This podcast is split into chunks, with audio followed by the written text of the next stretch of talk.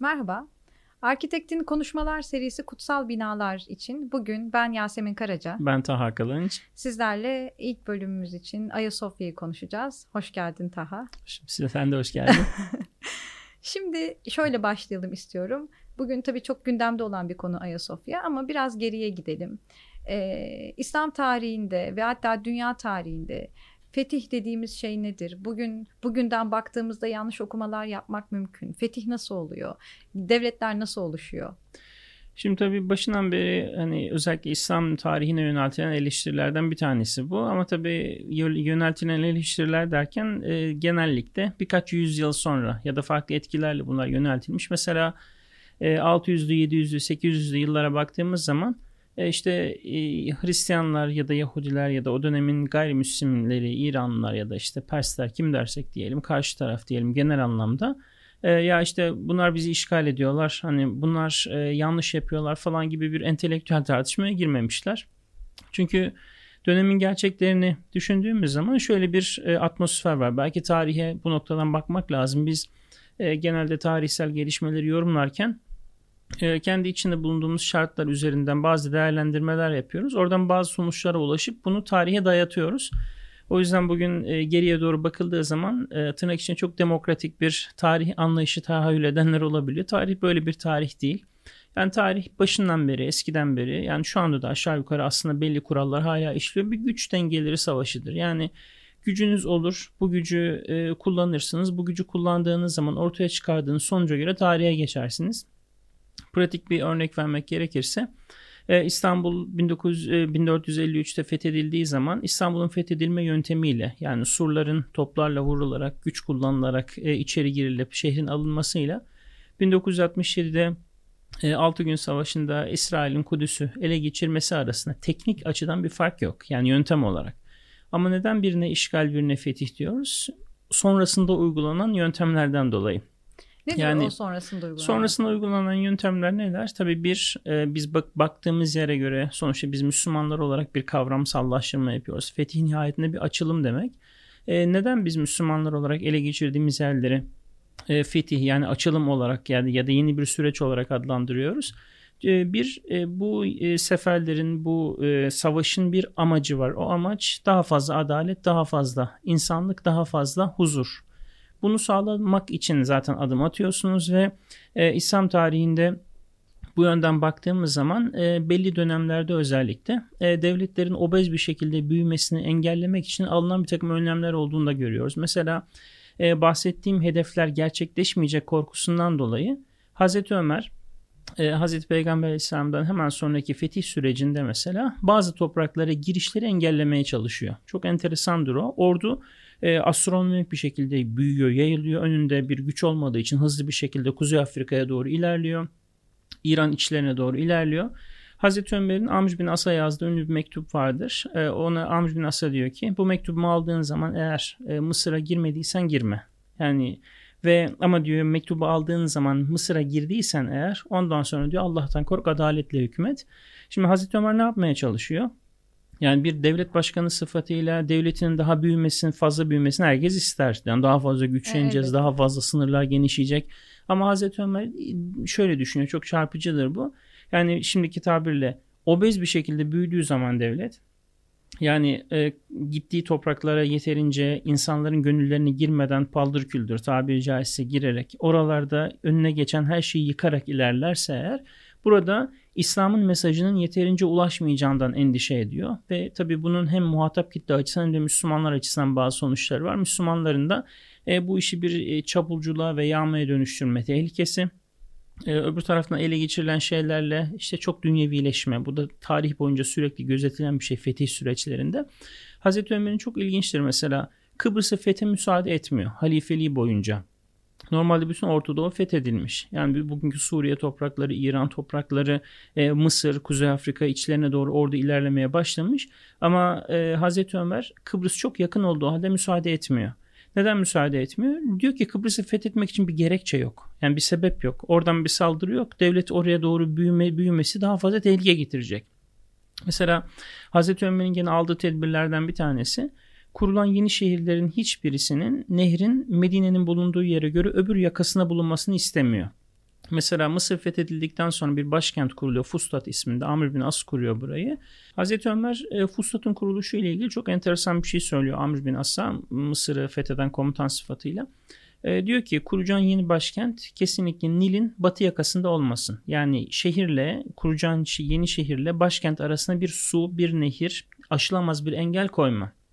Mesela Hazreti Ömer döneminde mesela Irak'ta bir takım şehirler kuruluyor. Yeni e, bazı garnizon şehirleri. Onların hepsi Dicle ve Fırat nehirlerinin doğu yakası, batı yakasına kuruluyor. Medine-i Münevvere tarafına ki herhangi bir durumda müdahale etmek mümkün olabilsin. Şimdi o dönemdeki e, düzenlemelere baktığımız zaman ee, özellikle ilk dönem tabi e, örnek alacağımız özellikle Hazreti Peygamber'in etkisinin hala devam ettiği, öğretisinin hala geçerli sayıldığı ve Müslüman toplumunda büyük ölçüde e, belli ilkelere riayet ettiği ilk dönemlerde e, bir takım ilkeler, bir takım şeyler var. E, dikkat edilen önemli unsurlar var. Dediğim gibi bunlardan bir tanesi obez büyümenin önlenmesi.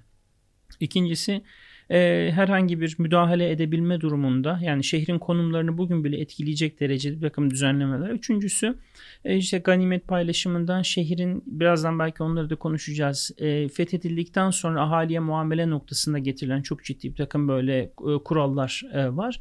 Bunlar tabii e, İslam tarihi boyunca ciddi bir şekilde uygulanmış. Tabi uygulanamadığı ya da e, çok büyük ordularda kontrol dışı bazı durumlar da olmuş. Bunlar normal ama genel anlamda özellikle işin teori ve prensip boyutuyla uygulanmış.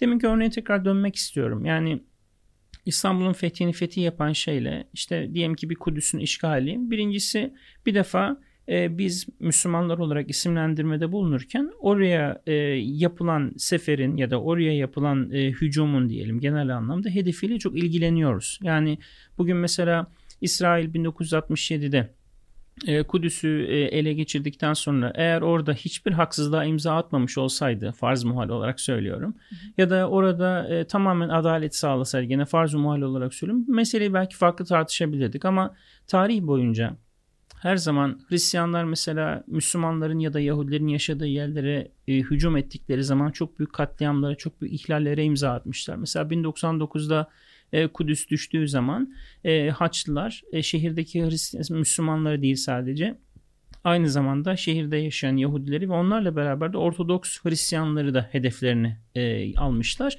Tarihte bunun çok fazla örneği var. Dolayısıyla bizim e, Müslümanlar olarak yani fetih derken e, hani şöyle bir hayal kurmamamız gerekir diye düşünüyorum. Yani bir yere gideceğiz. E, ey Balkan halkları bizi istiyor musunuz? İstiyoruz. O zaman biz geliyoruz. Sizi alacağız. Hani kim hani bulunduğu yeri gönüllü olarak teslim eder? Böyle bir şey yok. Yani zaten fetihlerin ya da ilerlemenin savaşla olduğu kesin. Hani işin bu kısmı biraz böyle arada şeye kaçıyor gibi geliyor bana. Böyle hani duygu sömürüsüne ve mugalataya kaçıyor gibi. Hani şöyle bir hayal var bazılarında. Ee, Müslüman elini hiç ancak tokat yiyecekse kaldırır. İşte ancak böyle bir saldırı olacaksa kendini savunur o kadar ilerlemez. Öyle bir şey yok. İki tane savaş var. Belki orayı da konuşuruz. Ee, İslam fetihlerine baktığımız zaman birincisi savunma savaşı. Yani düşman sana saldıracaksa düşmanın e, saldırıyorsa düşmana karşı bir e, önlem almak zorundasın. Bundan bunda başka ka- kaçar yolu yok. İkincisi de önleyici savaş. Çünkü e, bunun hem Peygamber Efendimiz hem de ilk dönemde çok e, önemli örnekleri var. Mesela e, Siyer'i okuyanlar bileceklerdir. Peygamber Efendimiz döneminde mesela önleyici savaşın en büyük örneklerinden bir tanesi Mureysi gazvesidir. Peygamber Efendimiz e, Medine'ye bir saldırının yapılacağı haberini alıyor. Daha saldırı başlamadan ama çok ciddi istihbaratla bunu kesin bir şekilde teyit ediyor. Ondan sonra kendisi e, adeta ön alarak, önleyici savaş olarak e, gidip o kabileyi daha onlar yurtlarından çıkmadan bastırıyor. Şimdi burada baktığımız zaman bazı tarih kaynaklarında işte gitti Müslümanlar oradaki kabileyi onlar yurtlarındayken e, onlara baskın yaptığı gibi anlatıyorlar ama e, arkasına baktığımız zaman arkada yatan sebepleri onlar e, Müslümanlar yapması onlar geleceklerdi. Mesela İslam tarihinin en önemli savaşları seferlerinden Tebük seferinin de mesela e, sebebi Bizans'ın e, Medine-i Münevvere'ye kadar gelecek olan bir baskın yapma ihtimali hatta bununla ilgili çok ciddi istihbaratlar. Müslümanlar Medine'den çıkıyorlar. 900 kilometre e, bugünkü Arabistan topraklarında Ürdün sınırına doğru gidiyorlar Tebü'ye kadar ve düşman orada yaklaşık bir ay kadar bekleniyor. Ondan sonra oradan Müslümanlar bakıyorlar ki düşman artık gelmeyecek öyle bir ihtimal yok. Bu tamamen işte bir e, ortadan kalkmış bir tehlike geri dönülüyor. Şimdi buna benzer örnekler çok. O yüzden hani şöyle bir tasavvura düşmek bizi yanıltabilir. Yani işte bu kadar fetih yapıldı, bu kadar coğrafya fethedildi. Ya acaba çok mu saldırgan davrandık? Acaba hani barbar mıyız gerçekten? Bar, barbar mıyız ya da e, hani acaba e, biz işgalci miyiz falan gibi. Şimdi hem e, şu anda yaşadığımız modern dönem itibariyle İslam tarihine yöneltilen hem dışarıdan hem de içeriden hani zihnen oryantalistleşmiş diyelim artık onlara böyle bir eleştiri yapıyorlar. Yani işte Müslümanlar işte öyle düşündüğünüz gibi değil ya da düşündüğümüz gibi değil falan gibi. Ama sorunun başlangıcına tekrar gelecek olursak şöyle bir e, tarihsel e, o dönemde yaşanan şeyi aklımıza getirelim. Mesela Osmanlı yavaş yavaş e, ile bir şey yapıyor, büyüyor. İşte ufacık bir beylik olarak e, bugünkü Bilecik Söğüt civarında yerleşiyorlar. Ondan sonra ilerliyorlar, büyüyorlar. Tabi büyüdükçe otomatik olarak bir şeylerle sınır hale geliyorsunuz. Şimdi sınırlar birbirine dayandığı zaman karşı taraf diyor ki bunlar daha fazla gelmesin. Bu sefer sınırı itmeye başlıyorlar. Sen diyorsun ki bunlar niye benim üzerime hücum ediyor? Kendimi savunayım. Karşı taraf zayıf düştükçe ilerliyorsun. Sen zayıf düştükçe onlar geliyor.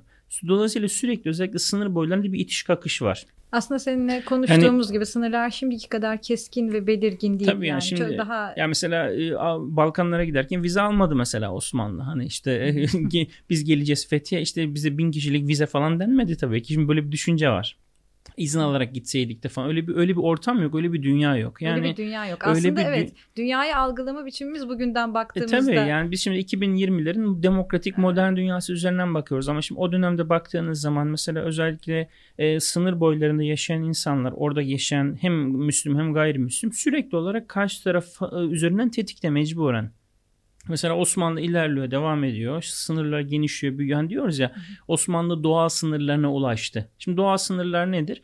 Sürekli büyüdüğünüz zaman bir yerden sonra onu e, finanse edecek ya da devam ettirecek gücünüz kesilmeye başlayınca artık karşı taraf gelmeye başlıyor. Küçülme nedir? Sınırın sana doğru küçülmesi. Yani dolayısıyla hani arada bir boşluk yok böyle bir birisinin gidip de işgal ettiği.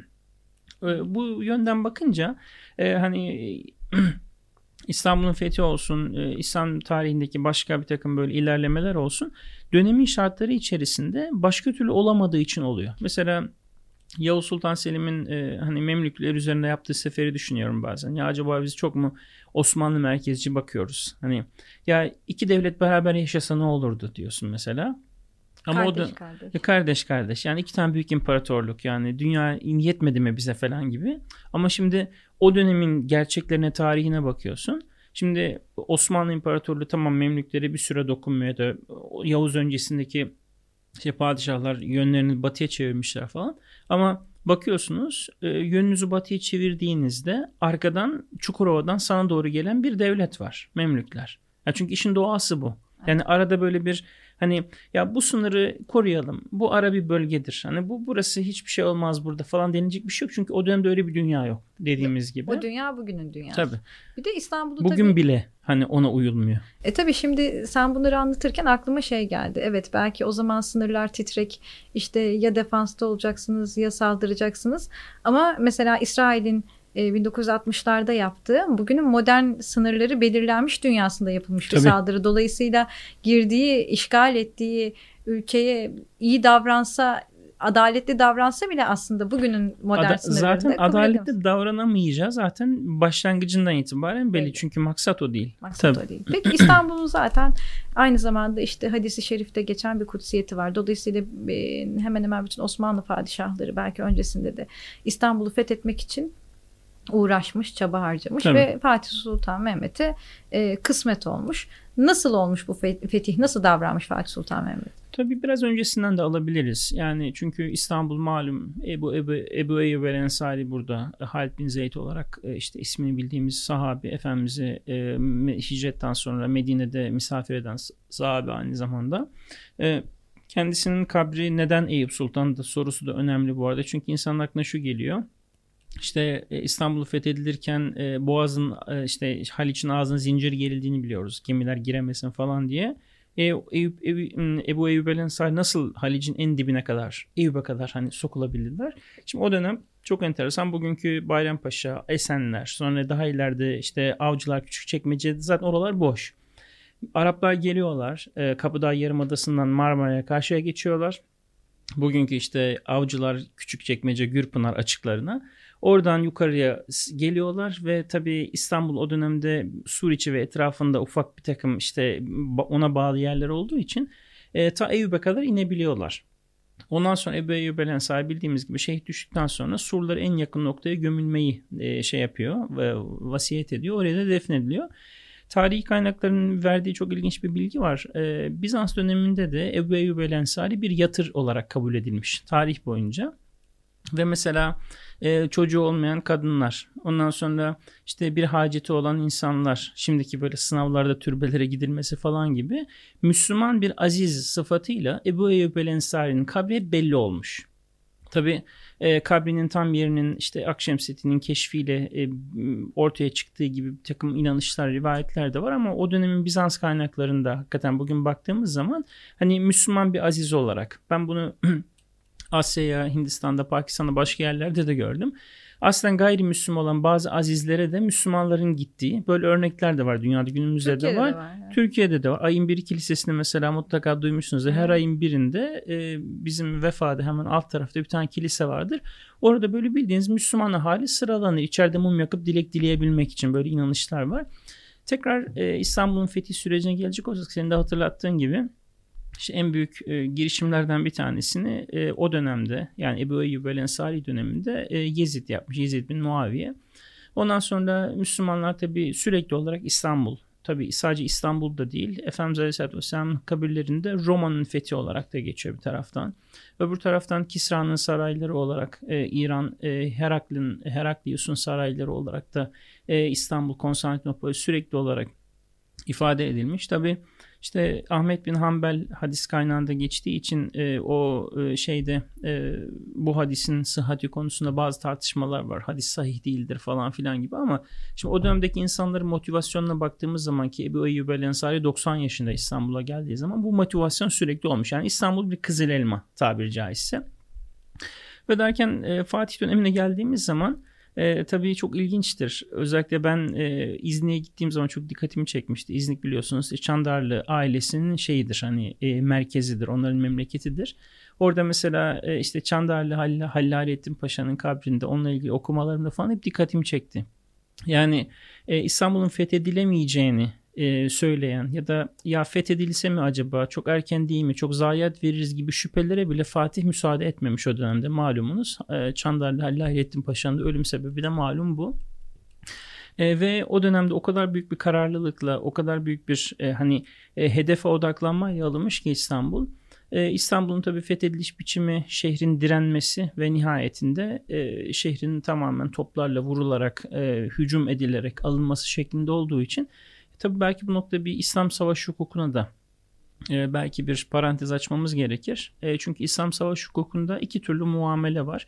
Şehir halkı eğer teslim olursa, Müslümanların şartlarına razı olursa ve Müslümanların kendilerine önerdiği şartlarda yaşamak konusunda bir irade gösterirse, Müslümanların onlara tanıdığı birçok haktan faydalanabiliyorlar mabetlerinin korunması, şehirde Müslüman Hristiyan nüfusun, gayrimüslim nüfusun bulunması, e, şehirde e, Müslüman nüfus iskan edilecekse anlaşma şartlarına göre belli noktalarda Müslümanların bulunması. Yani şehrin adeta böyle paylaşılması gibi. Direnmezlerse. Direnmezlerse. Yani şehir teslim olursa, gönül rızasıyla e, şehir kendi kendine Müslümanlara teslim ederse. Mesela 638'de Müslümanlar Kudüs'ü kuşattıkları zaman Hazreti Ömer döneminde Kudüs Patriği Sofronius o zaman e, Ortodoks Patriği Bizans adına şehri yönetiyor.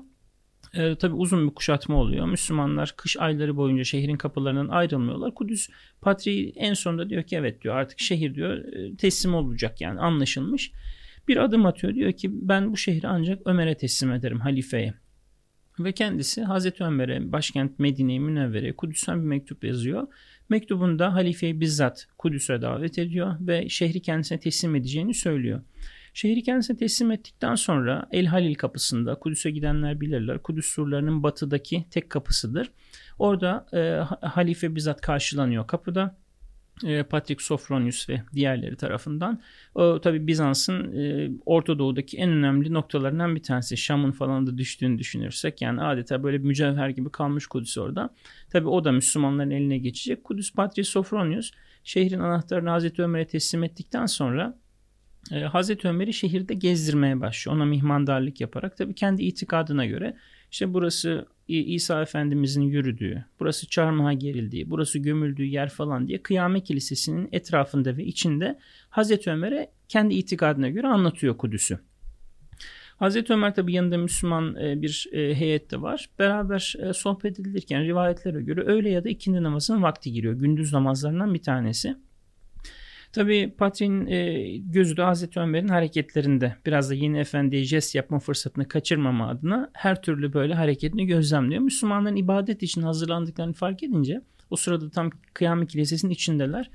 Efendim diyor e, dilerseniz e, namazınızı kilisemizde eda edebilirsiniz. Buyurun işte emrinizde. Hazreti Ömer çok çarpıcı bir şey söylüyor.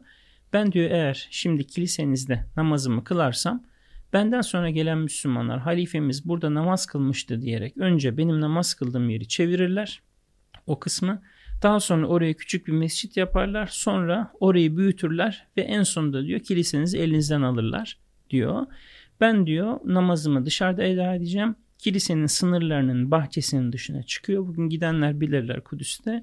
Kilisenin avlusunun hemen yanında Hazreti Ömer'in namaz kıldığı noktada Kıyamet Kilisesi'nin hemen dibinde Çan Kulesi ile yarışacak büyük bir minaresi olan bir cami var. İsmi de Ömer Camii dediği doğru çıkıyor. Dediği doğru çıkıyor. Şimdi bu örnek üzerinden şöyle bir hani birazdan oraya da geliriz. Yani işte demek ki böyle davranılırmış gibi bir genelleme yapılıyor. Evet Ayasofya üzerinden de niye ki kiliseyi yani, yani niye, camiye çeviriyoruz? Yani niye çeviriyoruz? Hani demek ki Hazreti Ömer yani Fatih Hazreti Ömer'den daha iyi daha mı iyi biliyordu falan diyenler de çıkıyor. Ama halbuki iki tane farklı yöntem var. O yöntemden birincisini konuşuyoruz şu anda. Birinci yöntemde demin dediğim gibi şehir teslim olup tamamen Müslümanların imzaladığı şartlara tamamen razı olduğu zaman Müslümanlarla imzaladığı anlaşmanın şartlarına Müslümanların onlara verdiği birçok haklar var. Onlardan bir tanesi bu. Ee, Hazreti Ömer e, Kıyamet Kilisesi'ni Hristiyanlara bıraktığı gibi şehirde imzaladığı anlaşmada onların istediği bazı şartları da anlaşmaya dahil ediyor. Mesela o şartlardan bir tanesi Kudüs Patriği Sofronius'un bizzat anlaşmaya kendisini eklettiği bir madde.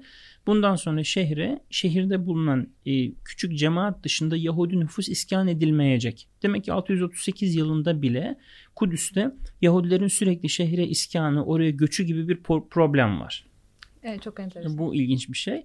Hazreti Ömer tamam diyor onu da anlaşmaya ekleyelim ve kendisi bugün gidenler görürler e, Ömer Camii'nin duvarında da anlaşmanın metni Ömer Ahitnamesi diye geçer. Hala bugün kayıtlıdır. E, Hazreti Ömer bütün şartları kabul ediyor. Şehir eğer direnseydi Kudüs tamamen Müslümanlara silah çekip yani savaşmaya karar verip kapıları kapatıp Müslümanların hadi bakalım saldırın alabiliyorsanız alın şekli bir resleşme yaşansaydı muhtemelen girdikten sonra Hristiyanlar şuna razı olacaklardı. Biz madem direndik o zaman şartlara razıyız. Çünkü Savaşta taraflar birbirine şartları da söylüyor. Mesela Müslümanlar İslam savaş hukukunda o da vardır. Mesela gidiyorsunuz önce bir heyet gönderiyorsunuz bir elçi. Diyorsunuz ki Müslüman olur musun? Adam diyor ki hayır ne münasebet. tamam diyor ikinci şart. Cizye ver, verir misin? Cizye de vermem. Üçüncü şart savaş. Tamam diyor savaşalım. Diyor ki peki savaşırsam diyor yenilirsem ne olur? Yenilirsin her şeye razı olacaksın. Çünkü ben seni yeneceğim ve seni öldürmek de dahil olmak üzere ben her türlü işte tabii ki insan hakkında tecavüz falan gibi şeyler tabii ki onları konuşmuyorum. Hani şartlar dahilinde mesela ama aynı zamanda Hristiyanlar da bu elçileri yollayabiliyor Müslümanlara. Tabii, Hristiyan olur bunlar musun? Bunlar karşılıklı konuşuluyor evet, zaten ve Müslümanlar ve Hristiyanlar karşılıklı bunları resleşirken aynı zamanda Müslümanlar da şuna razı oluyorlar. Onlar da beni yenerse aynısını bana yapacaklar. Nitekim Fatih'e İstanbul'un fethinden sonra Hristiyan olma daveti geldiğini tabii, biliyoruz. Tabii mesela benzer örnekler başka zamanlarda da yaşanıyor. Yani Müslümanlar sadece onu söylemiyorlar. Aynı zamanda bu bir savaş nihayetinde. Kimin kazanacağı belli değil. Hı. Ve diyorlar ki tamam o zaman karşı tarafta diyor ki tamam ben diyor kazanırsam ben de sana aynısını yaparım. Tamam o zaman hadi savaşalım diyorsun. Yani ta, savaşlar böyle gerçekleşiyor. Yani çok böyle romantik olmaya gerek yok. Bu iş böyle. E, ikincisinde yani İslam savaş hukukuna göre incelediğimiz zaman ikinci savaşta yani ikinci şehrin teslim alınış biçimine diyelim bir şehri e, işte şartlarınızı sunuyorsunuz. Karşılıklı birbirinizi güzel bir şekilde anlıyorsunuz. Diplomasi tabiri caizse yürütülüyor ve diplomatik yollar tükeniyor gene bugünkü tabirle. Ondan sonra diyorsunuz ki hadi bakalım şimdi de kapışalım. Şimdi ondan sonra şehir zaten direniyor ve şehir alındıktan sonra şehir halkı Diyor ki evet yani ben direndim. Ben sonuçta bildiğim bir şeyle karşılaşıyorum. Buna rağmen mesela e, İstanbul fethedildiği zaman e, Cumhurbaşkanı da konuşmasını hatırlattı. E, İstanbul, Konstantinopolis halkı, Konstantiniye halkı Ayasofya Kilisesi'ne toplanıyorlar. Acaba biz bize ne olacak? E, katliamdan mı geçirileceğiz? Başımıza neler gelecek? Ve sonrasındaki muameleye bakıldığında hakikaten e, bağnazlığı olmayan hani orijin e, şey objektif tarihçiler de bunu söylüyor zaten. Hani şehir çok güzel muamele görüyor. Hatta Fatih Sultan Mehmet e, şehrin yağmasına müsaade ediyor. Yani İslam savaş hukuku gereği gene yani kendisine ayrılan ya da komuta kademesine ayrılan kısımlar hariç bir de savaşta emek veren askerlere yapılan bir hak var. Ganimet. Evet. Ganimet var genel anlamda. Hani çünkü şehir halkı bunu bilerek o savaşa giriyor zaten. Hani burada bu, bu noktayı gözden kaçırmamalı. Bu çok önemli. Hani diyorlar ki e, biz tamam buna razıyız. Yani kaybettiğimiz takdirde okey. Bu burası tamam diyorlar. Bu nokta önemli. Hani şöyle bir şey yok. Ya birdenbire İstanbullular sabah bir uyanıyorlar bakıyorlar ki Müslümanlar gelmiş. Öyle değil. Yani bu iş haftalar sürüyor. Bu işin diplomasi tarafı var, şartlar var. Bunlar konuşuluyor, teklifler oluyor, redler oluyor. Gönderilen elçilere yapılan muamelenin biçimine kadar her şey karşılıklı konuşuluyor. Bir gecede Halice zincir gerilmiyor. Tabii. O yüzden e, sonrasında mesela Yavuz Fatih Sultan Mehmet e, bakıyor ki şehir çok kıymetli. Yani hakikaten gerçekten çok e, özel bir şehir. E, kendisi bizzat o verdiği müsaadeyi durduruyor ve şehrin artık kendisi tarafından kontrol edileceğini bu anlamda. İşte malumunuz sonra Ayasofya'ya giriyor. E, Ayasofya'nın tabi e, camiye çevrilmesi o süreçte e, gene bütün e, İslam fetihlerinde gördüğümüz bir nokta. Sonuçta şehrin en büyük camisi Ulu Cami'ye dönüşmesi. Selahattin Camii. Selahattin Camii olması ki Osmanlı asırları boyunca Ayasofya İstanbul'un Ulu Camisi'ydi. Çünkü her şehirde Anadolu'da da bugün görürüz. Merkezi camidir. Sarayın zaten hemen dibinde Topkapı Sarayı bilahare inşa edildikten sonra oraya ve Ayasofya'nın konumu itibariyle zaten Ayasofya'nın tamamen bir sembol olduğunu görüyoruz bu yönüyle. Ama o dönemde mesela Fatih Sultan Mehmet İstanbul'daki bütün kiliselerin hepsini camiye çevirmiş. Şehirde bir tane bile mabet bırakmamış değil. Bu önemli bir ayrıntı. Bu da hani çok bilinmiyor ya da çok e, dikkat edilmiyor buna. Ben mesela bazen e, Sur içinde bazı noktalarda e, dolaşırken görüyorum mesela. Bunun bir örneği Çarşamba'da da mevcut. Çarşamba e, ilçe şeyde semtinde Fatih'te. E, 1600'lerin sonlarında mesela kiliseye çevrilmiş, şey, camiye çevrilmiş kiliseler var. Niye? Çünkü e, oradaki Rum nüfus kaybolmuş. Hristiyanlar ölmüş gitmişler. Şehir bir İslam şehri olduğu için e, cemaat sirkülasyonu durmuş ve bir yerden sonra diyorsunuz ki ya bu da cami olsun bize de ihtiyaç oldu. Hani bu anlamda hani şehirde yaşayan nüfusun e, işte dini özgürlüklerinin kısıtlandığı, onlara hiçbir hak verilmediği falan filan gibi bir şey yok. Aslında hani, rasyonel sebeplerle o binayı yaşatmak için. Tabii mesela evet. hatta şu da hani bugün mimarlarında hani söylediği şeyler mutlaka sen daha fazla katkı yaparsın.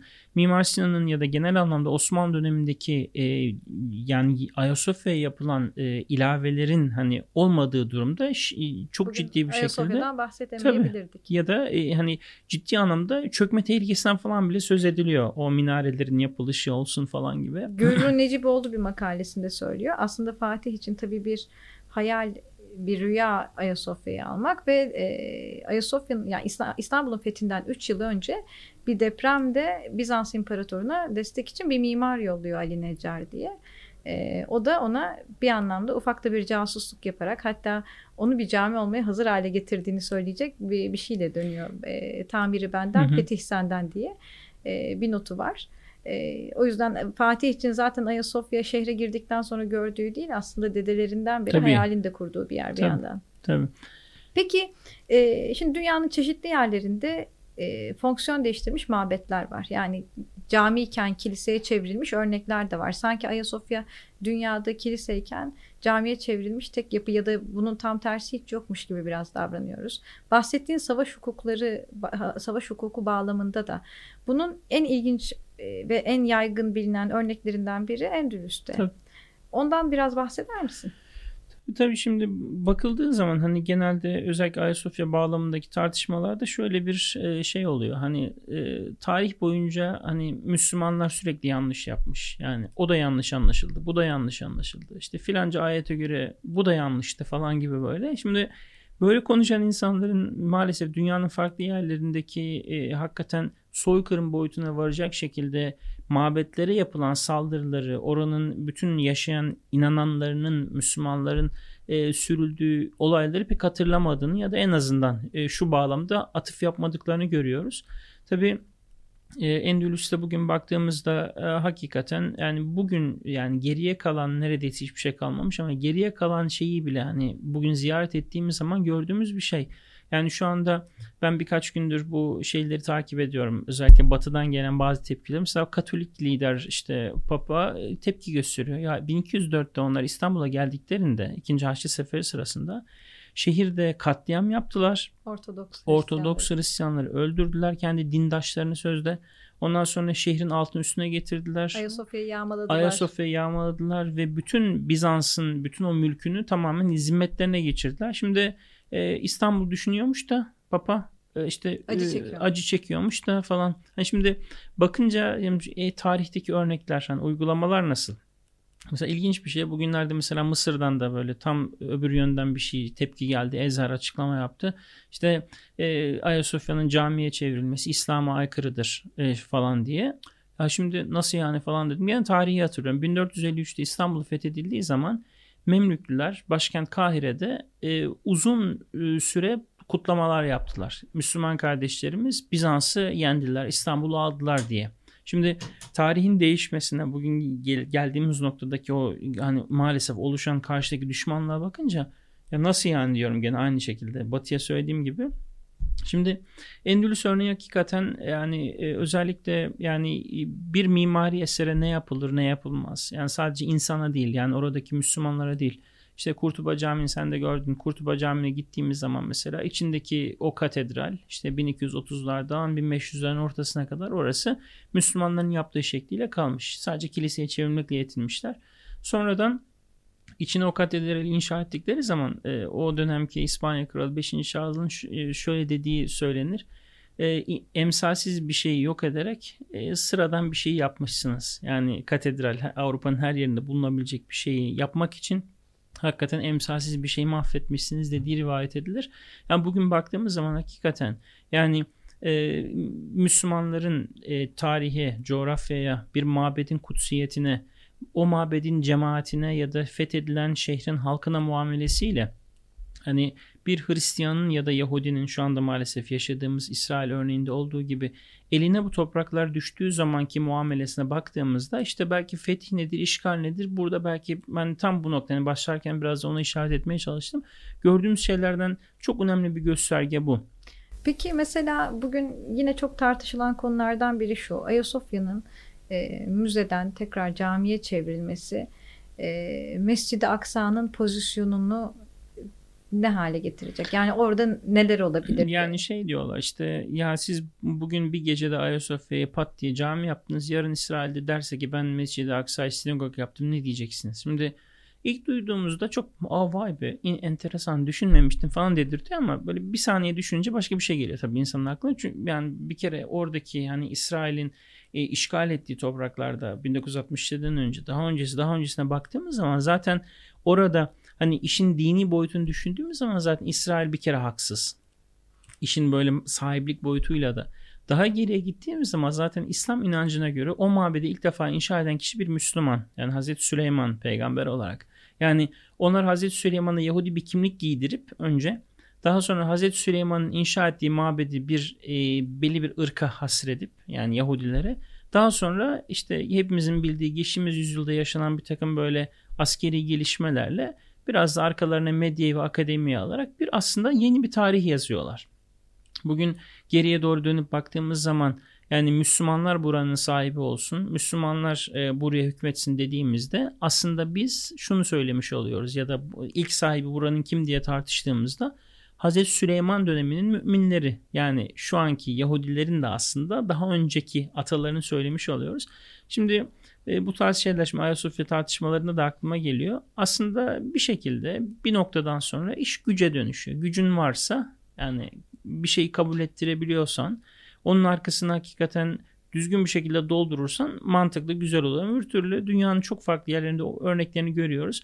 Ee, bir şey kabul ettirmenin arkasında çok fazla böyle birikim, adalet çok böyle önemli şeyler de gerekmiyor. Nihayetinde güç belirliyor. Şimdi tarih boyunca da böyle olmuş. Yani bugün bakıldığı zaman hani sadece günümüzde değil tarihte de eskiden de yani gücü olan terazinin kefesini kendi tarafına doğru bastırmış ve ona göre bu uygulama yapmış. Hani başından beri konuştuğumuz şeylerin de aslında bir nevi özeti bu. Yani Müslümanlar güçlü olduğu zaman adaleti, huzuru, güveni, e, müsamahayı, hoşgörüyü çok şey yapılan hani istismar edilen bir kavram ama gerçek anlamıyla kullanalım yaymışlar. Ama Yahudiler ve Hristiyanlar maalesef onların tarihleri hem birbirlerine karşı hem de Müslümanlara karşı bunu bir Müslüman olarak söylemiyorum. Herhangi bir tarihi açtığımız zaman okuduğumuz zaman sadece Haçlı Seferleri tarihini okumak bile yeter. E, maalesef şeylerle tamamen katliamlarla dolu.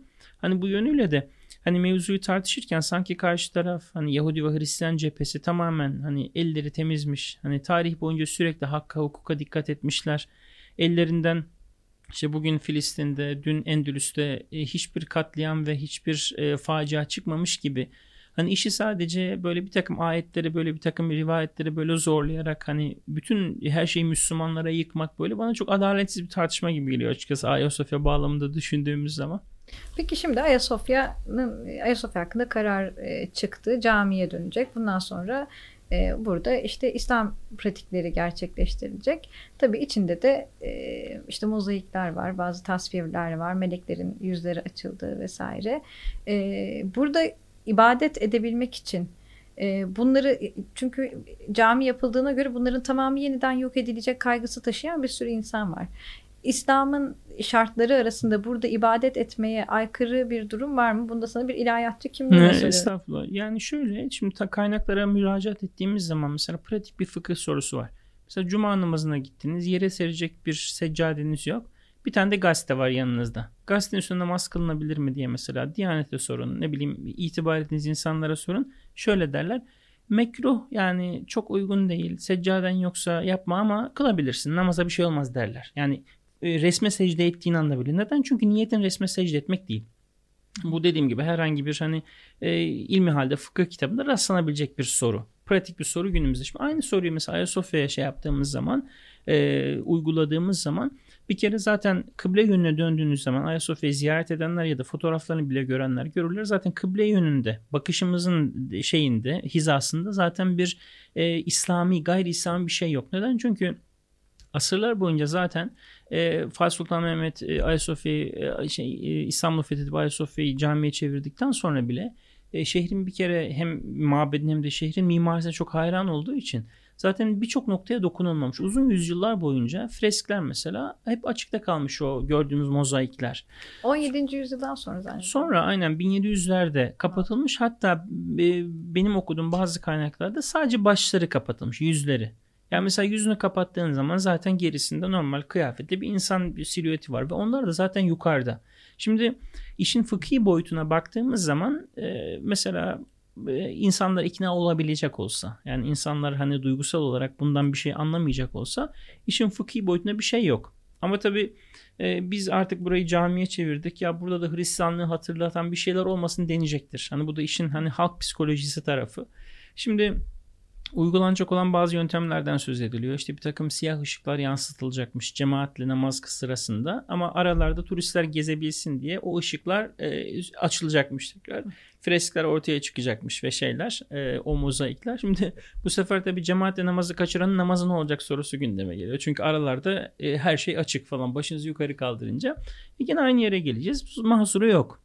Fıkhen bir mahsuru Fıkhen bir mahsuru yok. Hatta hani işin böyle e, hakikaten gene tabii çok belki dikkat almak sürekli gerekmez ama hani işin hani e, genel dünyaya yöne, e, dönük yönüne baktığımız zaman oranın açık kalması güzel bir mesaj bile olabilir benim kanaatim. Peki sence e, bunu tabii kişisel olarak soruyorum. E, fonksiyon değiştirmesi, müzeden camiye dönmesi buraya gelecek ziyaretçi sayısını azaltır mı? Yani şimdi diğer e, mabetlere baktığımız zaman tabii Ayasofya'nın sembolik kıymetinden dolayı sadece Ayasofya'yı görmek için gelen çok turist vardı özellikle Ortodokslar. E, ama ben mesela son günlerde çok fazla şunu diyenden de şunu diyeni de e, duydum yabancılardan. Oh be çok şükür bir sürü bilet parası veriyorduk artık bedava göreceğiz. Çok pahalıydı. E tabii şimdi sadece Türkler için bile 100 liraydı. Evet. Yani Ayasofya'nın e, o 30 milyon gibi böyle bir şeyi var. Yani yıllık kazancından sadece bilet parasından söz ediliyor. Belki rakam çok daha fazladır. Hani aklıma kaldığı kadarıyla söyleyeyim. Yani e, işin bir de o tarafı da var. Hani belki normalde hani Ayasofya'yı giremeyen, göremeyen ya da belki de yolu düşmeyen birçok insan bu halini de görmek isteyecek. Ee, bir yandan da bedava girecek. Tabii, tabii. tabii. Peki e, yine halkımızın merak ettiği sorulardan biri. e, Ayasofya cami olduktan sonra oraya girerken e, insanlar nasıl giyinmeli, nasıl giyinecekler? Girişte bazı kurallar uygulanacak. E tabii yani şimdi nihayetinde cami olduğu, olduğuna göre burası ve camide e, nihayetinde tesettür kurallarına riayet gerektiğine göre olacak. Şimdi ben gene şeyle kıyaslayacağım. Kudüs'te mesela e, ağlama duvarına Yahudilerin nasıl böyle bütün hanımların başını örtürüp erkeklerin başına takke taktırıyor. Bizim camilere girmek için erkeklerin başına takke takmasına gerek yok. Tam, Vati- Vatikan'da keza. Vatikan'da e, mesela Hristiyan muhabbetlerine gene Kudüs'ten örnek vereyim. Kiliselere girerken bu sefer de diyorlar ki erkeklere başınızı açın. Niye? Çünkü o kilisede mesela baş açma kuralı var. Bunu da uygulatıyorlar. Yani sen herhangi bir şekilde bereyle, e, takkeyle giremiyorsun. Şimdi dünyada bir de ben şunu da gözlemliyorum. Bunu da söylemek lazım. Şimdi e, gayrimüslimler bu kurallara son derece saygılı benim gördüğüm. Şimdi Türkiye'de çok enteresan bir sosyoloji var. Özellikle dini mekanlarda kıyafet zorlamasını böyle büyük bir inatla e, bununla mücadele eden. Bunlar bizden yani burada yaşayan insanlar. Yani yabancı bir turiste ya bu eteğiniz kısa birazcık bunu uzatın ya da başınızı örtün dediğiniz zaman aa tabii falan teşekkür edip hemen bu yapıyor. Ama bizim burada yaşayan böyle enteresan bir oryantalist bir hani şey tabaka var. Onlara sorarsan mesela Yahudi ve Hristiyan muhabbetlerine son derece saygılılar. Ama Müslümanlar bir camiye girişte bir başörtüsü ya da bir uzun şort e, rica ettiklerinde ki birçok yerde ricalar bunlar söylenmiyor bile. Ben çok görüyorum Süleymaniye'de Sultanahmet'te gayet yarı çıplak girip çıkıyorlar. Müdahale bile yok yani birçok yerde. O bu yapıldığı zaman ya bu sefer işte bu çok kabalık böyle olur mu falan ba- filan. Baskıcı İslam dini. Gibi mesela. Hani bu tarz şeylerde de mabetlerin dünyanın her yerinde kuralları vardır. Yani sadece mesela Lahor'da e, Pakistan'da bir e, Sih tapınağını ziyaret ettik. Erkeklerin başına böyle renkli mendilleri dolamaları onlar da şartmış mesela. Şimdi o, o fotoğrafları göstersem muhtemelen beni linç ederler böyle fotoğrafları falan şey yapınca. E, me- mecbur çünkü diyor ki mesela bu benim kuralım. Bunu diyor yapacaksın girmek istiyorsan. Tamam diyorum okey sıkıntı yok yani. E, aynen öyle. Peki Taha o zaman şöyle yapalım. E, Ayasofya'ya bir bölüm daha ayıralım. Tabii. Şu Çünkü anda giriş yaptık. Şu anda giriş yaptık. Hem mimari özelliklerini konuşalım, hem hakkındaki efsaneleri konuşalım, hem bu efsanelerin ne kadarı dini dayanaklarla destekleniyor, ne kadarı sahih onları konuşalım. E, bugün bugünlük konumuzu burada bitirelim. Tabii. Yani zaten Ayasofya bitmez yani. Hani biz aynı. E, o zaman Kutsal Binalar serimizde bir sonraki konuşmamızda görüşmek üzere. Görüşmek üzere diyelim.